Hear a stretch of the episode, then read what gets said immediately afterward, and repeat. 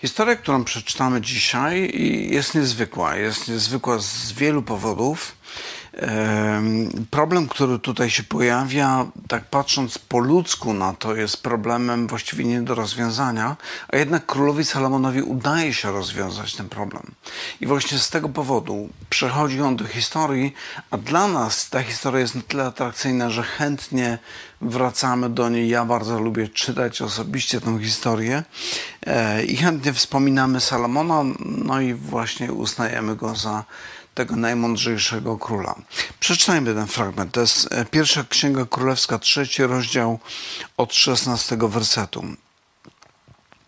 Wtedy przyszły do króla dwie kobiety nierządne i stanęły przed nim i rzekła jedna z tych kobiet, proszę panie mój, ja i ta kobieta mieszkamy w jednym domu i porodziłam przy niej w tym samym domu.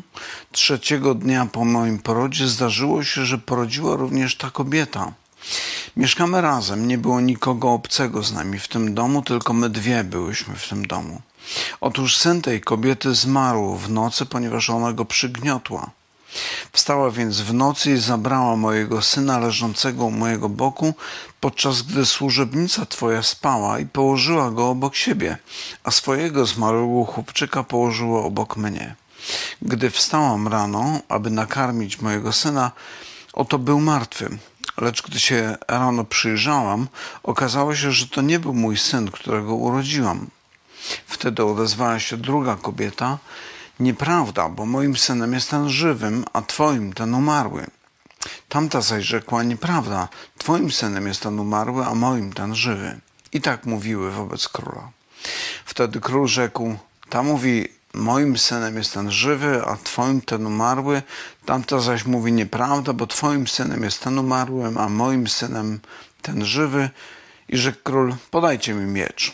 Przyniesiono więc miecz przed króla, a król rzekł jeszcze: Rozetnijcie to żywe dziecię na dwoje i dajcie połowę jednej, a połowę drugiej. Wtedy kobieta, której synem był ten żywy, odezwała się do króla, gdyż wezbrała w niej litość nad swoim synem i zawołała: Proszę, panie mój, dajcie jej to dziecię żywe, tylko go nie zabijajcie. Tamta natomiast wołała: Niech nie będzie ani moje, ani twoje, rozetnijcie je. Wtedy król zabrał głos i rzekł: Dajcie tej to żywe dziecię i nie zabijajcie go, ona jest bowiem jego matką. A gdy wszyscy Izraelici dowiedzieli się o tym wyroku, jaki wydał król, nabrali szacunku do króla. Widzieli bowiem, że jest w nim mądrość Boża do wymierzenia sprawiedliwości. Kiedy czytam tę historię, e, myślę, że jedna z pierwszych myśli, która pojawia się, to jest taka Ojejku, jak dobrze byłoby mieć takiego króla, tak mądrego, pełnego naprawdę tej Bożej mądrości, albo jeszcze lepiej samemu być tak mądrym jak ten król. Problem, który, z którym miał do czynienia Salomon, był problemem, do którego nie wystarczyła e, zwykła znajomość prawa i to nawet prawa moralnego. To był problem, który wymagał naprawdę mądrości, która E, jest czymś większym niż tylko umiejętność posługiwania się prawem, które, które obowiązuje w danym kraju. Myślę, że jest to jedna z wielu takich sytuacji, z którymi spotykamy się. Niektórzy nawet mówią, że e, dzisiaj w XX-XXI wieku takich sytuacji jest dużo więcej niż kiedyś. Dużo, dużo więcej jest takich sytuacji wyboru, kiedy musimy podjąć jakąś decyzję ale nie ma ani przepisu, ani też prawa moralnego, które ułatwiłby nam podjęcie takiej decyzji. E, tak się dzieje wtedy, kiedy szukamy pracy, tak się dzieje wtedy, kiedy szukamy męża albo żony, tak się dzieje wtedy, kiedy mamy do zrobienia jakieś zakupy, szczególnie te na jakieś wyższe kwoty. E, tak się dzieje wtedy, kiedy musimy zdecydować, gdzie mieszkać albo w co się zaangażować i tak dalej, i tak dalej. Takich przykładów można byłoby jeszcze mnożyć. I taka też jest ta sytuacja, z którą właśnie ma do czynienia Salomon. E, pomyślmy, kiedy przyjrzymy się temu problemowi, wobec którego taje Salomon. Wyobraźmy sobie taką sytuację, że tego rodzaju problem trafia przed sąd. No na przykład w naszym kraju. E, w jaki sposób, na jakiej podstawie sąd miałby rozstrzygnąć tę kwestię, której z tych kobiet przyznać e, prawo do tego dziecka. E, obie kobiety mają te same roszczenia, obie mają podobny status materialny, obie mają ten sam status społeczny, prawdopodobnie stan zdrowia również jest identyczny, a nawet jeżeli by powołać świadków, to ich zeznania będą niejednoznaczne. Więc okazuje się, że przepisy prawa są niewystarczające. E, potrzebne jest coś więcej, potrzebna jest prawdziwa mądrość. I kiedy czytamy o takim wydarzeniu, o takich historiach jak właśnie ta, możemy myśleć sobie w taki sposób, no tak właśnie, mądrość jest najważniejsza. Mądrość jest czymś szalenie istotnym i w związku z tym należałoby zrobić coś, żeby mądrości wśród nas albo w nas było jak najwięcej. Można byłoby na przykład e, opracować zestawy ćwiczeń, które pozwalałyby na to, żeby ludzie myśleli sprawniej, szybciej, bardziej skutecznie. Można by opracować testy, które mierzyłyby e, taką zdolność do, do szybkiego i skutecznego myślenia, e, testy, które mierzyłyby też postęp e, rozwoju takiej umiejętności szybkiego myślenia. I to wszystko byłoby bardzo praktyczne, bardzo przydatne, ponieważ w ten sposób moglibyśmy oddzielić głupców od, od ludzi mądrych. No, rzeczywistość jest taka, że gdybyśmy tak rzeczywiście zrobili, no to sprowadzilibyśmy całe człowieczeństwo tylko do jednego aspektu bycia człowiekiem, to znaczy tylko do jego inteligencji, ale zauważmy, że oprócz inteligencji jest chociażby coś takiego jak charakter człowieka. I myślę, że nie trudno jest sobie wyobrazić człowieka, który jest inteligentny, ale ma wypaczony charakter jest osobą, której nie można ufać, jest osobie, osobą, która jest niemoralna. I taka osoba, nawet gdy była wybitnie inteligentna, no to trudno myśleć o nim czy o niej jako o dobrym kandydacie na męża czy żonę, czy nawet dobrym kandydacie na pracownika. Zwróćmy uwagę na same te kobiety. Jeżeli przyjrzymy się tym dwóm kobietom, które przyszły do Salomona, która z nich była sprytniejsza? Która z nich była bardziej przebiegła? Przebiegła, która powiedzielibyśmy wykazała się wyższym ilorazem inteligencji. No właśnie ta, która nie była matką, ta, która kłamała, ta, która e, próbowała zwieść wszystkich tam obecnych łącznie, łącznie z królem. Pomimo większego sprytu, była osobą, dla której prawda nie miała znaczenia. To, co miało dla niej znaczenie, to tylko ta osobista korzyść. I tutaj pojawia się pierwsza taka e, dosyć ogólna uwaga, ale myślę, że bardzo ważna. E, to znaczy chodzi o to, że przede wszystkim mądrość u Salomona, e, u Salomona, który jak wiem jest też autorem przypowieści Salomona, a także księgi kaznodziei Salomona, mądrość, o której Salomon tam pisze, jest czymś daleko, daleko większym niż tylko inteligencja. Kiedy Salomon pisze o mądrości, to przede wszystkim ma na myśli życie, całe życie człowieka, które jest dobre, sprawiedliwe, które jest piękne, wartościowe, życie, o którym oglądając się wstecz, możemy powiedzieć, tak, to było życie przeżyte w sposób godny. Co więcej, Salomon też mówi o tym, że początkiem mądrości jest bojaźń Boża. I bez tej bojaźni Bożej trudno mówić o prawdziwej mądrości. Co więcej, oddzielenie bojaźni Bożej od prawdziwej mądrości jest czymś, co prowadzi do wychowania pokolenia ludzi superinteligentnych, ale jednocześnie ludzi niemoralnych. I myślę, że niedużo trzeba, żeby rozejrzeć wokoło i zobaczyć, jak no jesteśmy otoczeni i widzimy ludzi, którzy są naprawdę wybitnie inteligentni, ale są moralnie zepsuci.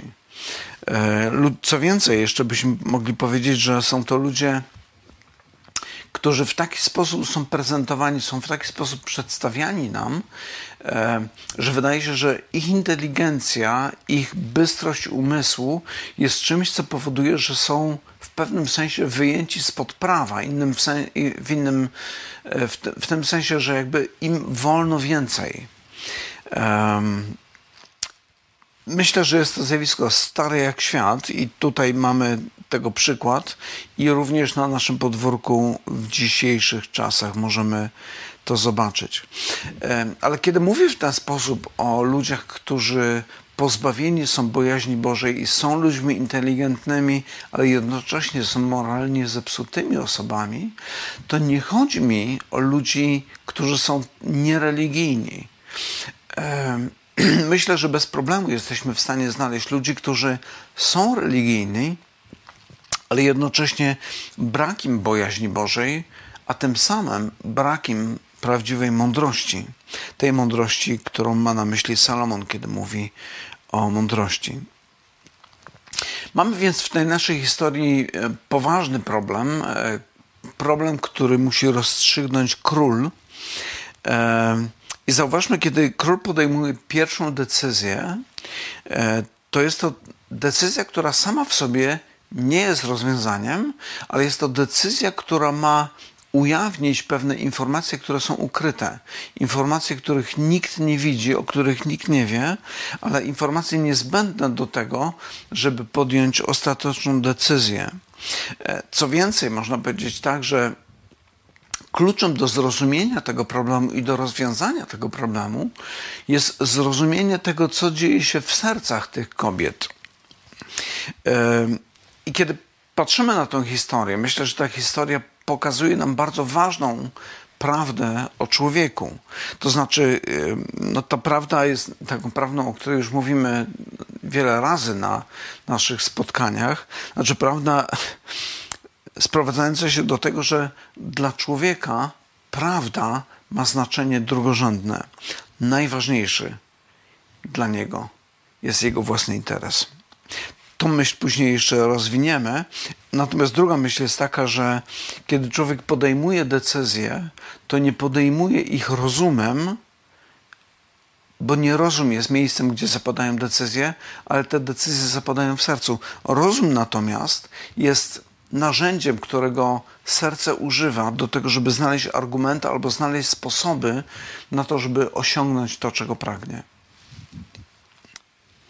Myślę, że wiele decyzji w naszym życiu byłoby łatwiejszych, gdybyśmy potrafili wejrzeć w nasze własne serca i rozstrzygnąć, o co tak naprawdę się nam dzieje, o co tak naprawdę nam chodzi i co nami powoduje, że chcemy iść w tą czy inną stronę, że, że chcemy podjąć taką czy inną decyzję.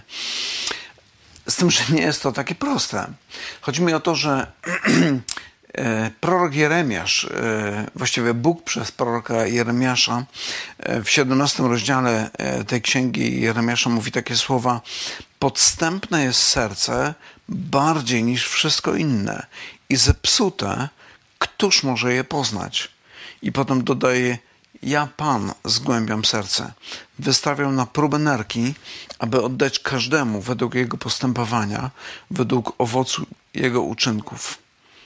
Więc zauważmy, że e, sam Bóg pokazuje człowiekowi przez właśnie proroka Jeremiasza, że naszemu sercu nie możemy ufać, ponieważ nasze serce będzie nas zwodziło, będzie nas oszukiwało, będzie nas, nam sugerowało, że jest lepiej, podczas gdy naprawdę wcale dobrze nie jest, albo że jest gorzej, podczas gdy faktycznie jest całkiem nieźle.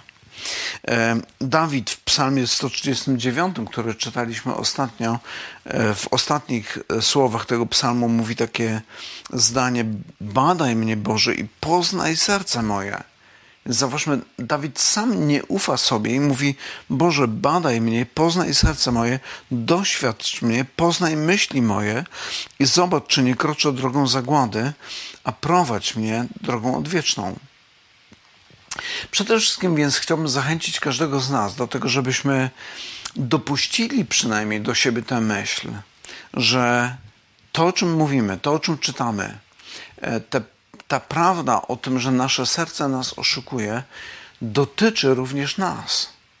I że sposób, w jaki myślimy o sobie dzisiaj, może być zupełnie nieprawdziwy, może być zupełnie inny niż e, nam się wydaje. E, wiemy, że dużo łatwiej jest myśleć w ten sposób o kimś innym, dużo łatwiej jest powiedzieć, o tak, właśnie ludzie tak powinni myśleć e, nie powinni ufać sobie, bo faktycznie są gorsi niż im się wydaje. E, no to przypomina mi historię, którą już kiedyś pewnie opowiadałem o, e, o jakiejś starszej pani, która jedzie samochodem na autostradzie i słyszy komunikat w radiu, e, komunikat, w którym ktoś zapowiada, że uwaga, ponieważ na autostradzie pojawił się samochód, który jedzie pod prąd. I ta pani słuchając tej wiadomości podnosi głowę, rozgląda się i mówi, żeby to jeden, ich tu jest całe mnóstwo. No właśnie. Myślę, że najtrudniej jest zobaczyć belkę we własnym oku, jak to mówił Pan Jezus. E, w rzeczywistości chyba jednak jest tak, że stan naszego serca jest gorszy niż nam się wydaje. I jest to szalenie istotna lekcja. E, dam przykład jeden z Ewangelii. E, przykład, który myślę, że może nam pomóc, w jaki sposób stan naszego serca wpływa na decyzje, jakie podejmujemy. W Ewangelii Jana opisana jest taka sytuacja, kiedy e, choruje Łazarz, Łazarz ten, który był bratem Marii i Marty i choruje na tyle poważnie, że w pewnym momencie umiera. W którymś momencie dowiaduje się o tym Jezus, przychodzi, kiedy przychodzi Łazarz, jest już od, od, kilku dni w grobie i skracając całą tą historię, doprowadza do wzbudzenia go z martwych. Łazarz powstaje z martwych i wydawałoby się, że będzie to moment przełomowy w całym życiu Jezusa, moment, w którym wszyscy przekonają się, tak, Jezus jest Synem Bożym. I nie ma co do tego żadnej wątpliwości, ponieważ nikt nie potrafi wzbudzić człowieka z martwych, człowieka, który od kilku dni był już w grobie. Jezus musi być Mesjaszem, e, za którego się uważa. I pomimo tego wszystkiego, pomimo tego, czego spodziewalibyśmy się, pomimo tego, co Jezus zrobił, no tak się nie dzieje. Członkowie Sanhedrynu, czyli tej najwyższej rady czy instytucji e, religijnej, sądowniczej w Izraelu podejmują decyzję nie, że Jezusa należy uczcić, paść na kolana i oddać mu hołd, ale Jezusa należy zabić.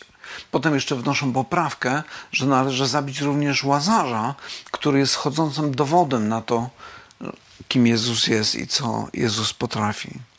I myślę, że jest to taka bardzo bolesna lekcja pokazująca, jak wygląda nasza racjonalność. My jesteśmy istotami racjonalnymi tylko w tym sensie, że szukamy sposobów, w jaki sposób uzasadnić, usprawiedliwić, czy jak osiągnąć to, czego pragnie nasze serce.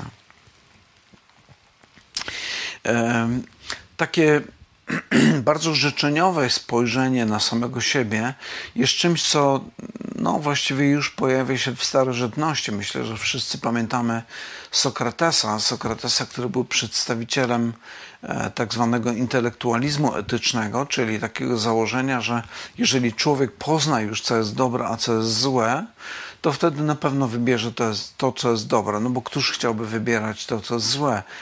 No i taki przeintelektualizowany obraz człowieka, e, no, wystarczy spojrzeć na historię, aby pokazać, że okazuje się zupełnie nieprawdziwy, zupełnie nie odpowiada temu, co widzimy w historii, w historii świata.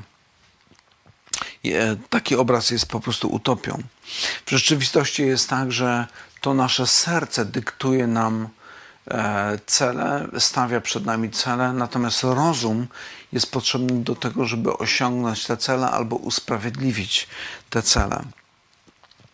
E, jeden z takich pisarzy angielskich, Aldous Huxley, myślę, że dosyć dobrze znany, e, z taką rozbrajającą szczerością e, mówi w taki sposób w jednej ze swoich książek. Dla mnie, podobnie jak dla większości moich przyjaciół, filozofia bezsensowności zasadniczo była instrumentem wyzwolenia od pewnego systemu moralnego. I teraz uwaga, występowaliśmy przeciwko moralności, ponieważ zabierała nam seksualną swobodę. Więc nie łudźmy się, pytania, które pojawiają się, pytania, które słyszymy, albo nawet pytania, które zadajemy, bardzo często wcale nie są wynikiem takiego szczerego poszukiwania prawdy. E, często są raczej szukaniem sposobów na to, żeby prawdę przykryć. prawdę, prawdę ukryć, tak jak widzieliśmy to na przykładzie tych członków Sanhedrynu. Tak więc e, wiele problemów, o których mówimy, szczególnie ten problem, o którym czytaliśmy w Księdze e, Królewskiej, e, to jest e, jeden z tych problemów, który, żeby rozstrzygnąć, wymaga rozpoznania stanu serca. Do tego potrzebny jest naprawdę mądry król, tak jak w tej naszej historii, który będzie potrafił osądzić, co jest w sercu człowieka. I zauważmy, co dzieje się, kiedy Salomo podejmuje swoją pierwszą decyzję, czyli każe rozciąć to dziecko na połowy i dać po połowie każdej z tych matek. Kiedy podejmują tę decyzję, kiedy ją ogłasza, nagle wychodzi na jaw, co jest w sercach tych kobiet. E, co stoi za roszczeniami jednej i drugiej. E, jednej zależy na własnej racji, i przy okazji, jeżeli udaje się zatrzymać to dziecko dla siebie, to, to tym lepiej. Drugiej natomiast zależy przede wszystkim na życiu tego dziecka. I zauważmy, że prawdziwa matka jest gotowa zrezygnować ze swojego prawa do tego dziecka, byle tylko to dziecko uratować. Natomiast ta druga jest gotowa poświęcić życie dziecka, byle jej racja była na wierzchu. I ta decyzja tej matki była prawdopodobnie najtrudniejszą decyzją, jaką kiedykolwiek w życiu podejmowała, chociaż być może, że w tym momencie trwała ona sekundę, może niewiele dłużej. Ale zauważmy, co się dzieje. W momencie, kiedy, kiedy ona podejmuje tą decyzję o rezygnacji z tego dziecka, byle ono przeżyło, odzyskuje to dziecko. To dziecko wraca do niej. I chodzi mi o to, że kiedy prześledzimy wiele różnych innych wydarzeń w Starym i w Nowym Testamencie, e, to odnoszę wrażenie, że Bóg w taki sposób prowadzi swój lud i w taki sposób poucza nas, aby pokazać nam, że jest to zasada, którą chce, abyśmy się posługiwali. Znaczy, kilka przykładów. w czasach sędziów pamiętamy Gedeona. Gedeona, który na słowo Boga odsyła większość swoich żołnierzy, zostaje mu tylko 300, ale w tym momencie, kiedy zostaje mu tylko tych 300 żołnierzy, okazuje się, że zwycięża bitwę, która normalnie była nie do zwyciężenia, nie do wygrania. Kiedy Dawid daruje życie Saulowi, królowi Saulowi, którego, który chce go zabić, Dawid ostatecznie sam zostaje królem. Kiedy ludzie czczą Boga z pierwocin swoich plonów, tak jak mówiło prawo mojżeszowe, Bóg błogosławi ich pola i rozpłód ich bydła. Gdy ludzie, tak jak mówi Jezus, zaczynają szukać Królestwa Bożego i Jego sprawiedliwości, wszystko inne jest im dodane. Jakub w swoim liście mówi takie słowa: Pożądacie, a nie macie Zabijacie i zazdrościcie, a nie możecie osiągnąć. Walczycie i spory prowadzicie, nie macie, bo nie prosicie. Prosicie, a nie otrzymujecie, dlatego że źle prosicie, zamyślając to zużyć na zaspokojenie swoich namiętności. Więc zauważmy, że, że ta zasada rezygnacji czy oddania po to, żeby pozyskać coś więcej, coś ważniejszego, pojawia się dosyć często i to zarówno w Starym, jak i w Nowym Testamencie. Tych przykładów można byłoby znaleźć dużo, dużo więcej. Również w naszej historii zwróćmy uwagę na samego Salomona. Co robi Salomon? Zobaczmy, Salomon jest królem, któremu przyszło rozstrzygnąć spór między dwiema skłóconymi prostytutkami. Który król chciałby zajmować się tego rodzaju sprawami? A jednak Salomon uniża się, żeby rozstrzygnąć ten spór, i przez to, że zniża się do tego poziomu, zostaje wywyższony. W ostatnim wersecie tego rozdziału, który czytaliśmy, w 28, czytamy takie słowa: Gdy wszyscy Izraelici dowiedzieli się o tym wyroku, jaki wydał król, nabrali szacunku do króla, widzieli bowiem, że jest w nim mądrość Boża do wymierzenia sprawiedliwości. Kiedy czytamy Nowy Testament, również tam widzimy apostoła Pawła, który w podobnym duchu mówi w drugim liście do Koryntian na przykład takie słowa: Dlatego mamy upodobanie w słabościach, w zniewagach, w potrzebach, w prześladowaniach, w uciskach dla Chrystusa i uwaga, albowiem kiedy jestem słaby, wtedy jestem mocny.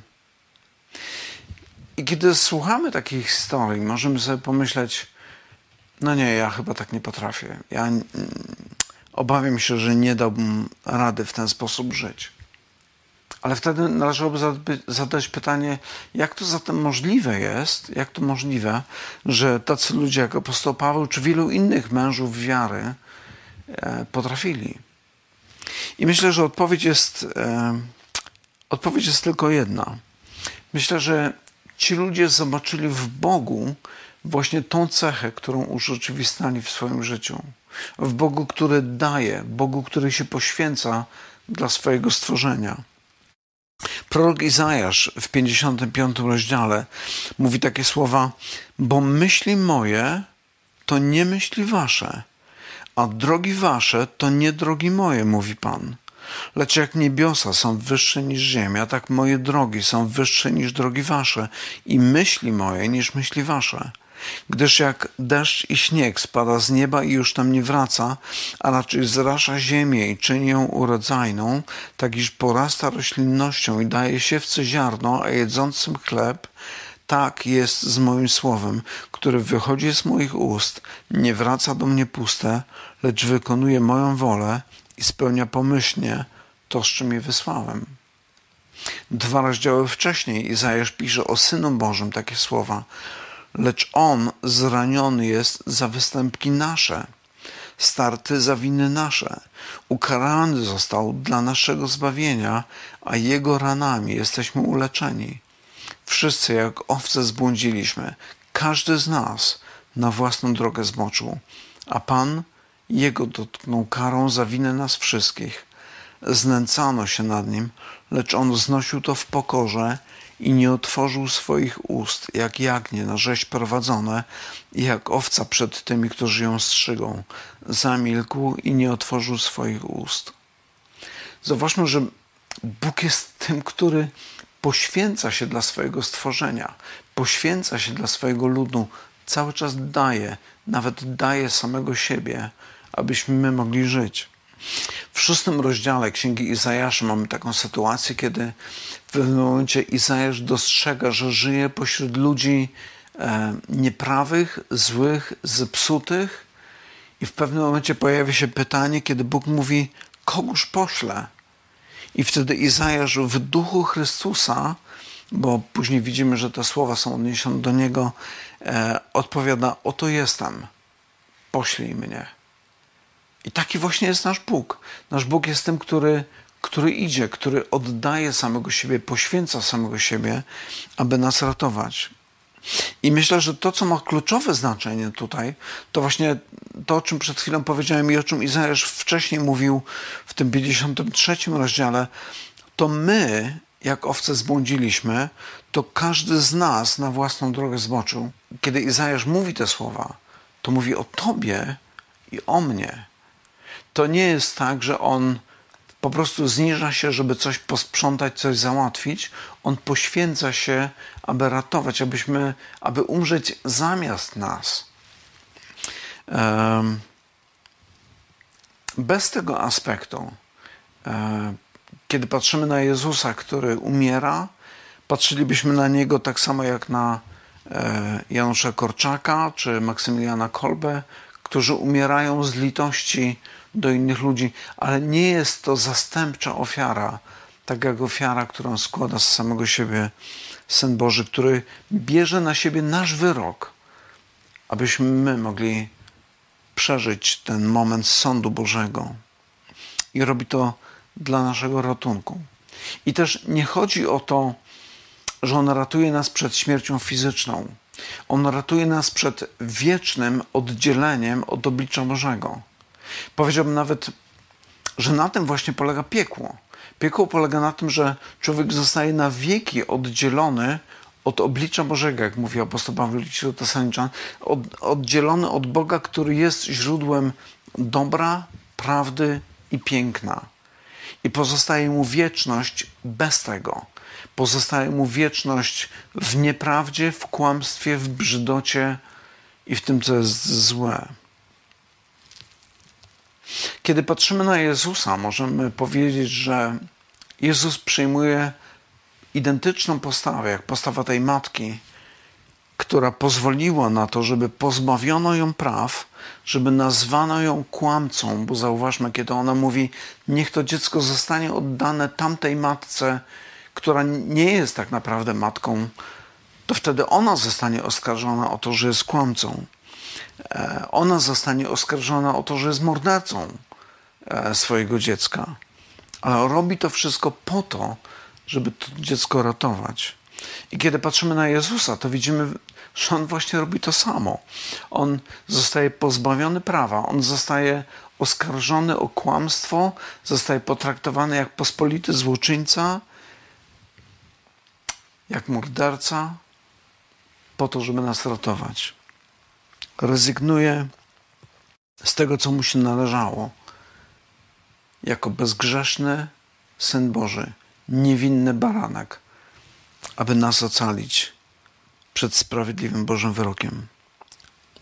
I kiedy patrzymy na nasz świat, e, nasz świat pogrążony w zepsuciu moralnym, w grzechu, myślimy sobie, tak, również dzisiaj potrzebujemy takiego naprawdę mądrego króla. Potrzebujemy kogoś takiego jak Salomon, który by wziął sprawę w swoje ręce, wziął wszystko, trzymał mocno w garści, tak żeby postawić wszystko na nogi i sprawić, żeby wszystko funkcjonowało tak jak trzeba.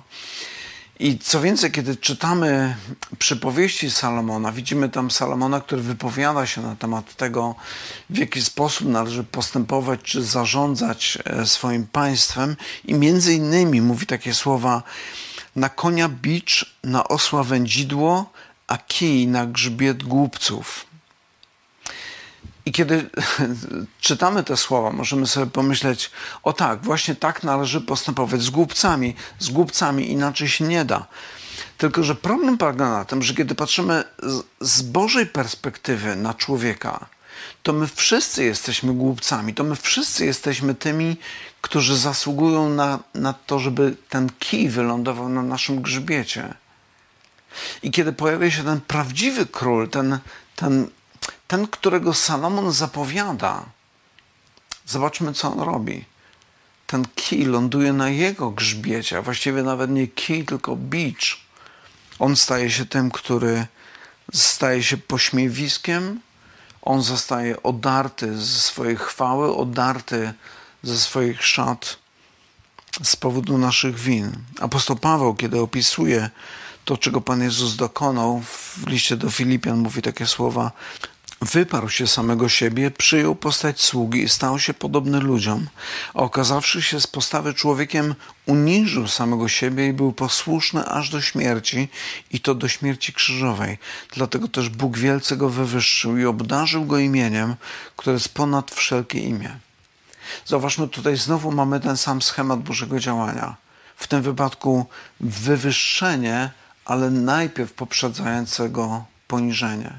I ta sama zasada dotyczy również innych dziedzin naszego życia, kiedy Boże Słowo mówi o zysku przez hojność, przez ofiarowanie, przez oddawanie, kiedy mówi o wzroście Kościoła przez rozproszenie go, kiedy mówi o życiu poprzez śmierć. E, mówi o zyskiwaniu wszystkiego przez nieszukanie niczego Mówi o chwale przez nieprzypisywanie sobie chwały. Ponieważ bardziej błogosławioną rzeczą jest dawać, aniżeli brać, jak mówił Pan Jezus.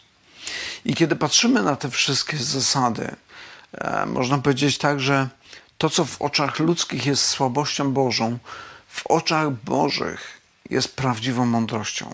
Jest prawdziwą mądrością, która, za którą idzie Boże błogosławieństwo. Co więcej, chciałbym dodać tu jeszcze jedną obserwację.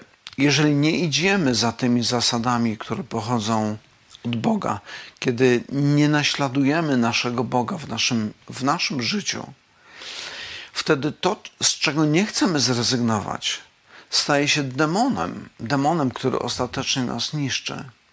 Pomyślmy, co by było z Abrahamem, który oddaje swojego syna, żeby go potem odzyskać, ale wyobraźmy sobie taką sytuację, że Abraham nie chce tego zrobić. I Izaak, jego syn, staje się jego oczkiem w głowie, staje się synem, którego Abraham stopniowo coraz bardziej psuje, którego rozpieszcza i który staje się później jego przekleństwem. Co stałoby się z ludźmi, którzy zamiast rozdawać swoje pieniądze, zachowywaliby je tylko dla siebie i myśleli głównie o sobie?